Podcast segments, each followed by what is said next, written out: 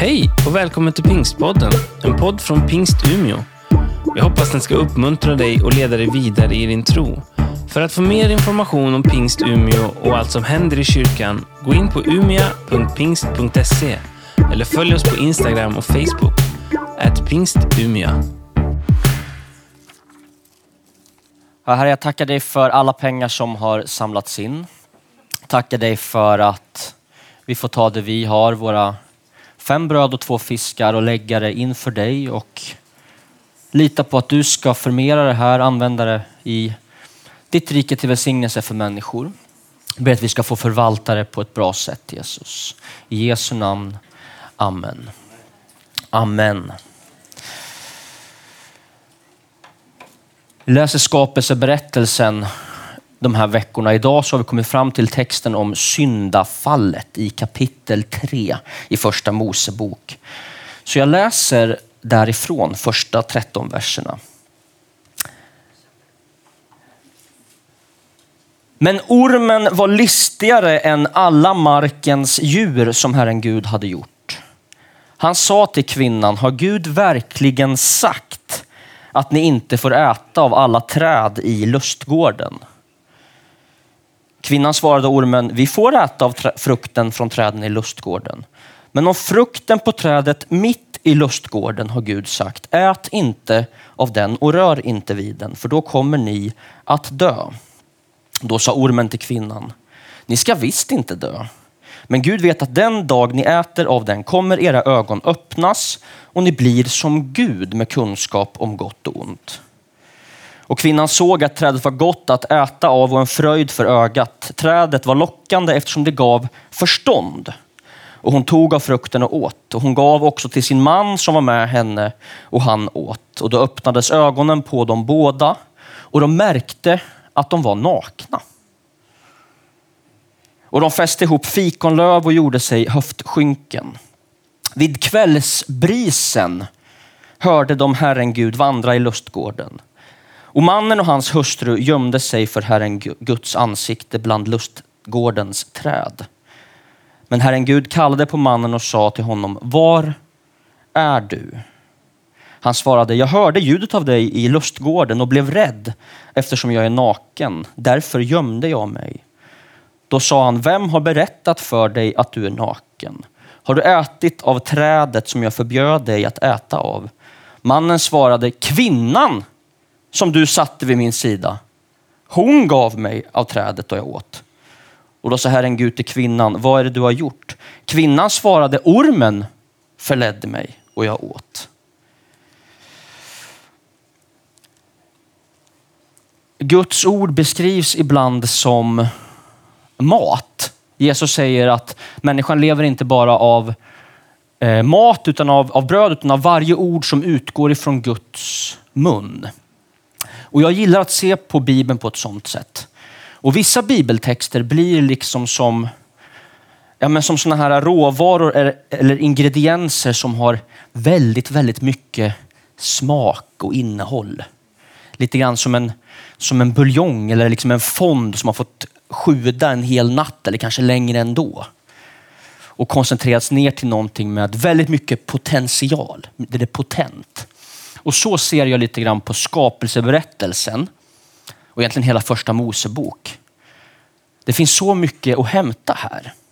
Och ju mer man tuggar så kommer man upptäcka nya smaker varje gång. Och min bön och förhoppning de här veckorna när vi nu är i första Mosebok är att vi ska öppna våra biblar på nytt och läsa de här berättelserna och se vad det Gud vill säga till oss där vi är just nu. Två saker om följderna med fallet och hur Jesus räddar oss ifrån det här. Skulden. Människan beskrivs i Bibeln att vara skapad till Guds avbild. Hon är inte bara ett djur bland andra djur. Hon är skapelsens krona och hon har en uppgift att råda över skapelsen. Det betyder inte att, att liksom missbruka, men att bruka jorden. Och det är en stor uppgift som människan får. I kapitlet innan i skapelseberättelsen så beskrivs det hur det går en flod ifrån trädgården som sen fördelar sig i fyra huvudgrenar över hela Mellanöstern. Eh, Eufrat och Tigris är två av de här floderna som några kanske känner till namnet på. Och man kan ju fundera på varför är den passagen med där? Men man, jag ser det som den förstärkning av lite grann hur viktig den där platsen är och det liksom mandat som människan har fått. Alltså det man gör där, det liksom får konsekvenser för allt annat. Vattnet som går ut från lustgården bevattnar resten av världen. Och Gud säger den här platsen får ni råda över. Och det kommer gå bra så länge ni lyssnar på mig. Det vill säga människan är högst av allt skapat men hon måste liksom stå under skaparen. Och vi läste berättelsen precis. Vi vet att det inte stannade där. Och det första som ormen gör det är att så in ett frö av tvivel i människan. Har Gud verkligen sagt? Kan man verkligen lita på Gud? Och sen kommer frestelsen, du kan bli din egen Gud. Du kan få all kunskap om gott och ont, eller från gott till ont. Går också att se det här på. Och jag ser den här berättelsen lite grann som en spegel för oss. Det är inte bara någonting som vi ska läsa om hände där och då, utan läs in dig själv i den här berättelsen. Pröva den mot ditt liv. Alltså, den säger att det finns liksom ett grundläggande tillitsproblem i oss. Nästan som liksom ett, ett anknytningsproblem. Och sen finns den här grundfrestelsen, en ursprungssynd som säger att du och jag har en inneboende frestelse att vilja vara vår egen Gud. Och det som händer när människan tittar upp på den där pedestalen, om man kan kalla det för det, och byter ut liksom Gud och sätter in sig själv där. Det hon trodde skulle hända händer inte, att hon skulle få kunskap. På ett sätt, jo, ormen hade rätt. Men kunskapen var avslöjande. För hon insåg liksom hur naken och sårbar hon var. Människan är inte svag och sårbar, men i jämförelse med Gud. Kan vi axla rollen som Gud? Nej, det kan vi inte.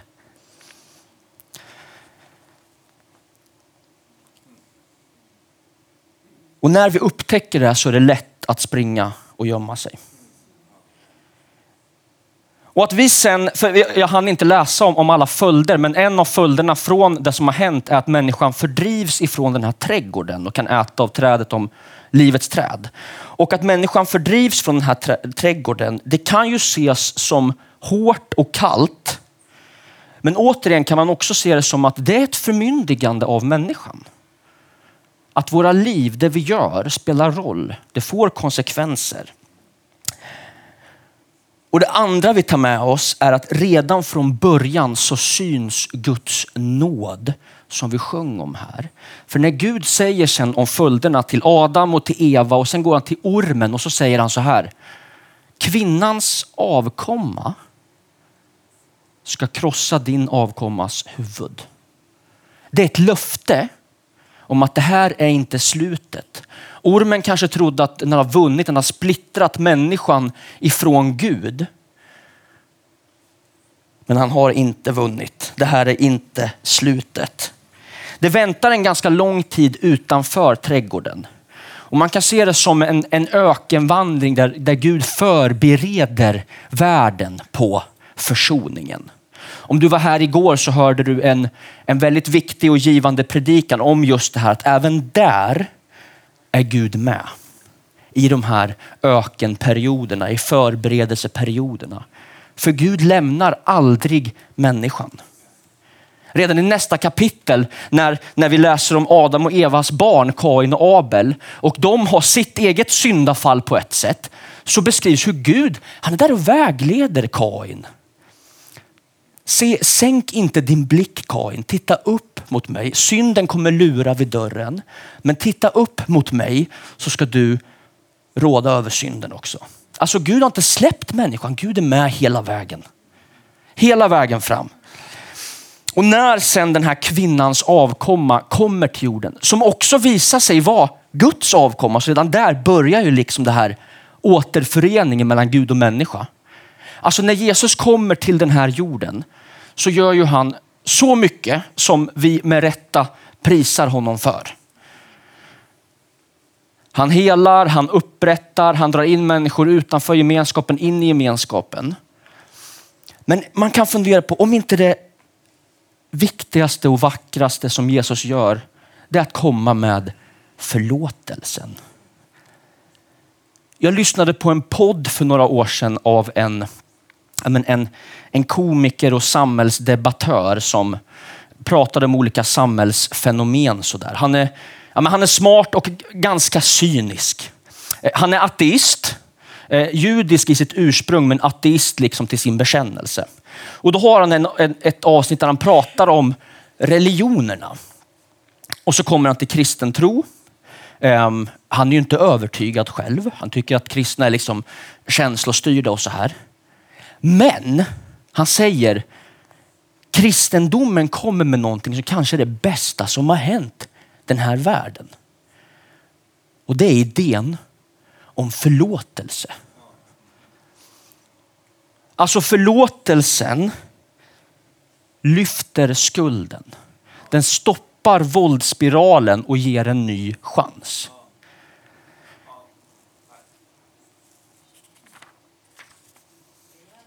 Och i löftet i Bibeln som vi får i Nya Testamentet är om vi bekänner våra synder, då är han trofast och rättfärdig, förlåter oss all vår synd.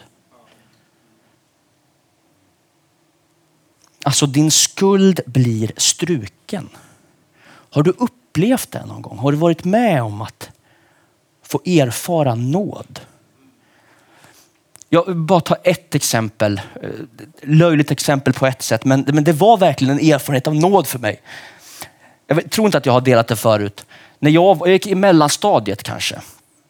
Och eh, eh, jag var eh, hemma efter skolan en eftermiddag och skulle hämta någonting som var uppe på en hylla i vardagsrummet. Och eh, Jag tror att det var en bok om typ ödlor eller någonting. Det var sånt som jag läste då på den tiden. Ganska tunnelseende så här. Det har jag fortfarande, men ännu mer då. Så att jag, liksom, jag måste stå på någonting, vad som helst för att kunna nå den där boken. Och jag ställer mig på det första jag ser. Det är vår TV som vi har. Och på den tiden så var tv-apparater var inte liksom platta sådana här skärmar, utan det var tjocka burkar. Och jag ställer mig på den här tvn och sträcker mig efter den här boken och hör bara hur det kraschar under mig. Och jag faller rakt igenom hela tvn. Och jag inser att nu har jag gjort någonting som jag inte borde. Och jag ligger där i min säng på rummet och liksom förbereder någon slags tal till mina föräldrar. Hur ska jag, det, det finns liksom inget sätt att komma ifrån vad jag har gjort. Um, vad kommer hända nu? Och sen hör jag vid fem någon gång, då kommer pappa hem. Jag hör att dörren öppnas. Jag går liksom med tunga steg ner för trappen. Och bara, hur kommer det här bli? Men det går inte att komma ifrån. Jag har, jag har klättrat upp på tvn och pajat den. Och jag tror att han hör lite grann vart jag är någonstans. Liksom. Bara, du, jag har förstört tvn. Och då säger han, okej, okay, det ordnar sig. Det ordnar sig. Alltså, det är en skitgrej, en tv, men jag lovar dig, där och då för mig, det var en erfarenhet av nåd. Alltså, det jag trodde, det, jag var, det som var min skuld, jag hade förstört, det lyftes av mig. För att jag erkände, jag sa så här är det. Det här har hänt. När vi har fattat fel beslut, gått på villovägar och inser att vi har gått vilse. Den där, den här liksom insikten kallar vi ibland för syndanöd i kristen tro. Och om det är precis där du är eller om du känner igen dig i den, spring inte och göm dig. Och täck för liksom din nakenhet med det första bästa du hittar runt omkring dig. Eller liksom skylla ifrån sig. Det är det Adam och Eva gör. Det var inte jag, det var hon. Och hon, det var inte jag, det var ormen. Gör, vi, vi har så lätt att hamna där. Men om vi inte gör det, om vi själv säger, här är jag. Jag gjorde det här.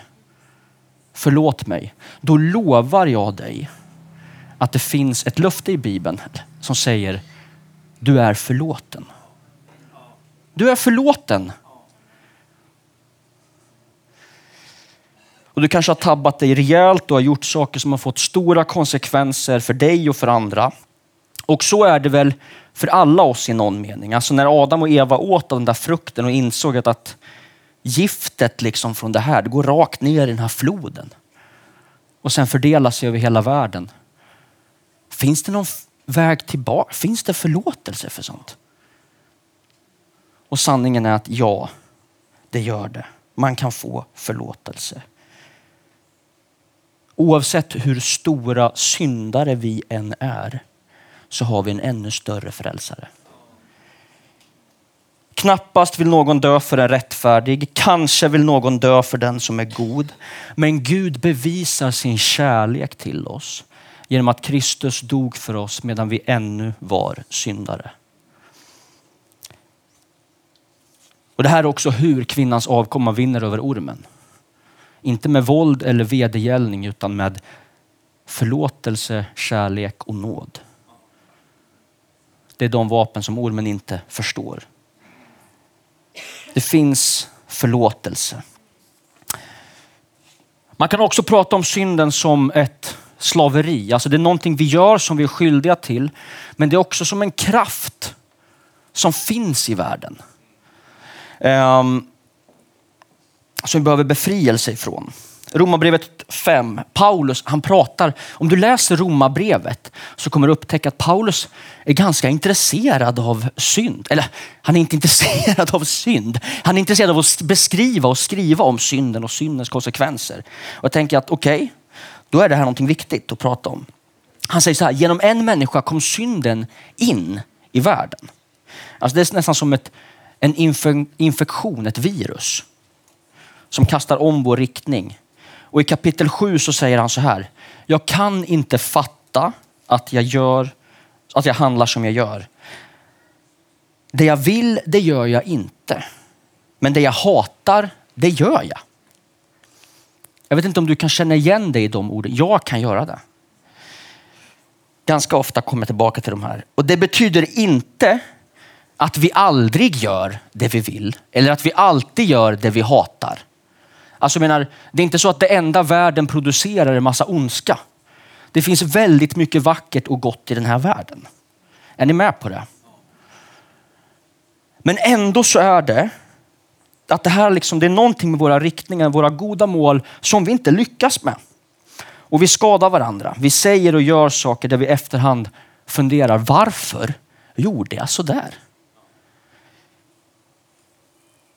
Och med de här två sätten att beskriva synden så har vi också fått syn på någonting sant men också lite gåtfullt och svårt. Alltså, det är dels någonting vi gör som vi är ansvariga för men det är också en kraft som bara finns här. Som ansätter oss. Ja, men lite grann som det där viruset som vi kanske inte helt kan styra över själva. Men det finns en hjälpande hand och en inbjudan till oss att ta tag i den där handen och det ansvaret och den, det mandatet har vi. Att fatta den handen.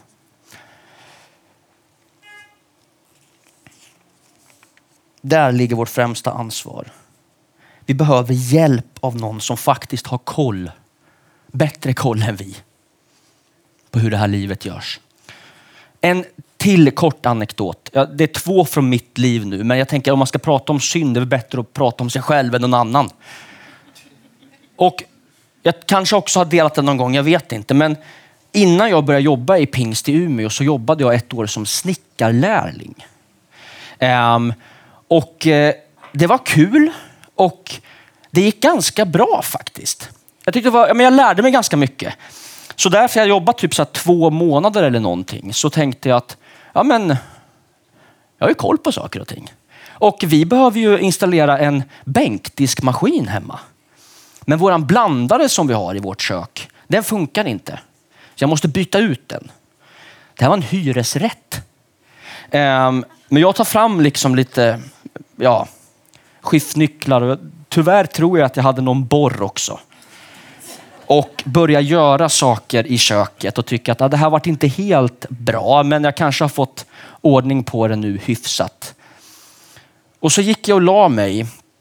Och sen morgonen därpå när jag vaknade och går ut i köket så liksom det plaskar under mina fötter.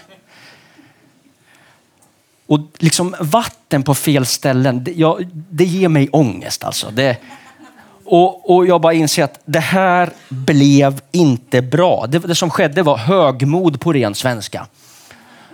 Och jag inser att jag måste ha hjälp av någon som kan det här.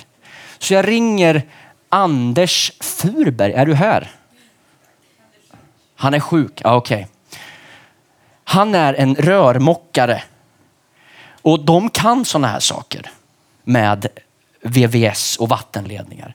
Så Anders får komma hem till oss och det var inte många minuter han behövde med handpåläggning på det där för att det skulle bli rätta på det. Men jag är väldigt tacksam att jag fick hjälp utifrån av någon som kan. Det där är vad vi behöver. Jag kan erkänna att jag ofta behöver säga fortfarande Jesus förlåt mig. Jag behöver din hjälp. Och man kan fundera på, betyder det att vi hela livet är kvar lika mycket nere i den där gropen eller i den där infektionen om man så kan kalla det? Jag vet inte, jag tror inte det. Alltså jag har haft saker som jag har fått lägga bort som jag inte längre faktiskt kämpar med på samma sätt. Och jag har sett vad Jesus har gjort i andra människors liv där liksom mörker har fått lämnas och bytats ut till ljus. Det finns befrielse i Jesu namn. Och på något sätt så får vi ändå kämpa med det här. Romarbrevet 6, nu blir det flera referenser till Romarbrevet, men där beskriver Paulus hur vi har bytt Herre. Förr så tjänade vi synden och nu så får vi tjäna Jesus. Alltså synden kommer nog alltid vilja liksom försöka ha begär till oss så länge vi lever på den här sidan graven. Men vi har fått en ny riktning i våra liv. Vi har fått en ny Herre. Vi tillhör inte längre synden, vi tillhör Jesus. Men vi måste tjäna någon. Det är så vi är formade. Att inte tillhöra någon, det är liksom en illusion. Någon har sagt så här, ta bort allt yttre liksom förpliktelser och förbindelser på en människa så kommer man få se hur bunden hon verkligen är. Och Jag tycker att det ligger någonting i det där. En, en eh, terapeut som jag hörde för något år sedan som jobbade med missbruksproblematik och beroendevård sa så här. Motsatsen till beroende är inte oberoende. Motsatsen till beroende är tillhörighet. Alltså motsatsen till beroende är inte oberoende. Motsatsen till beroende är tillhörighet. Och den sanna friheten som Bibeln beskriver det, det är att tillhöra Jesus. Att tillhöra Jesus, samhörighet med Jesus. Han vill hjälpa dig bort ifrån det där mörka, destruktiva som anfaller, ansätter oss. Och när vi faller på vägen, spring då inte och göm dig. Du behöver inte det. Ta hans hand, res dig upp och fortsätt gå. Han ska förlåta dig. Han dog för dig. Ett misslyckande kommer inte kasta dig över bord. Det finns förlåtelse. Och vi har liksom hela den här trädgårdens alla träd att äta ifrån. Ormen försökte säga det finns ett enda träd. Men frukten av det var död och ensamhet. Vi vet det nu. Men det finns alla dessa träd att äta om. Det finns en inbjudan att vända tillbaka blicken mot Gud och se vad han har för oss. Det finns ett gott uppdrag att förvalta det vi har fått. Då kan man fundera på, kan den här liksom producera någonting gott? Ja, med Guds hjälp kan vi det.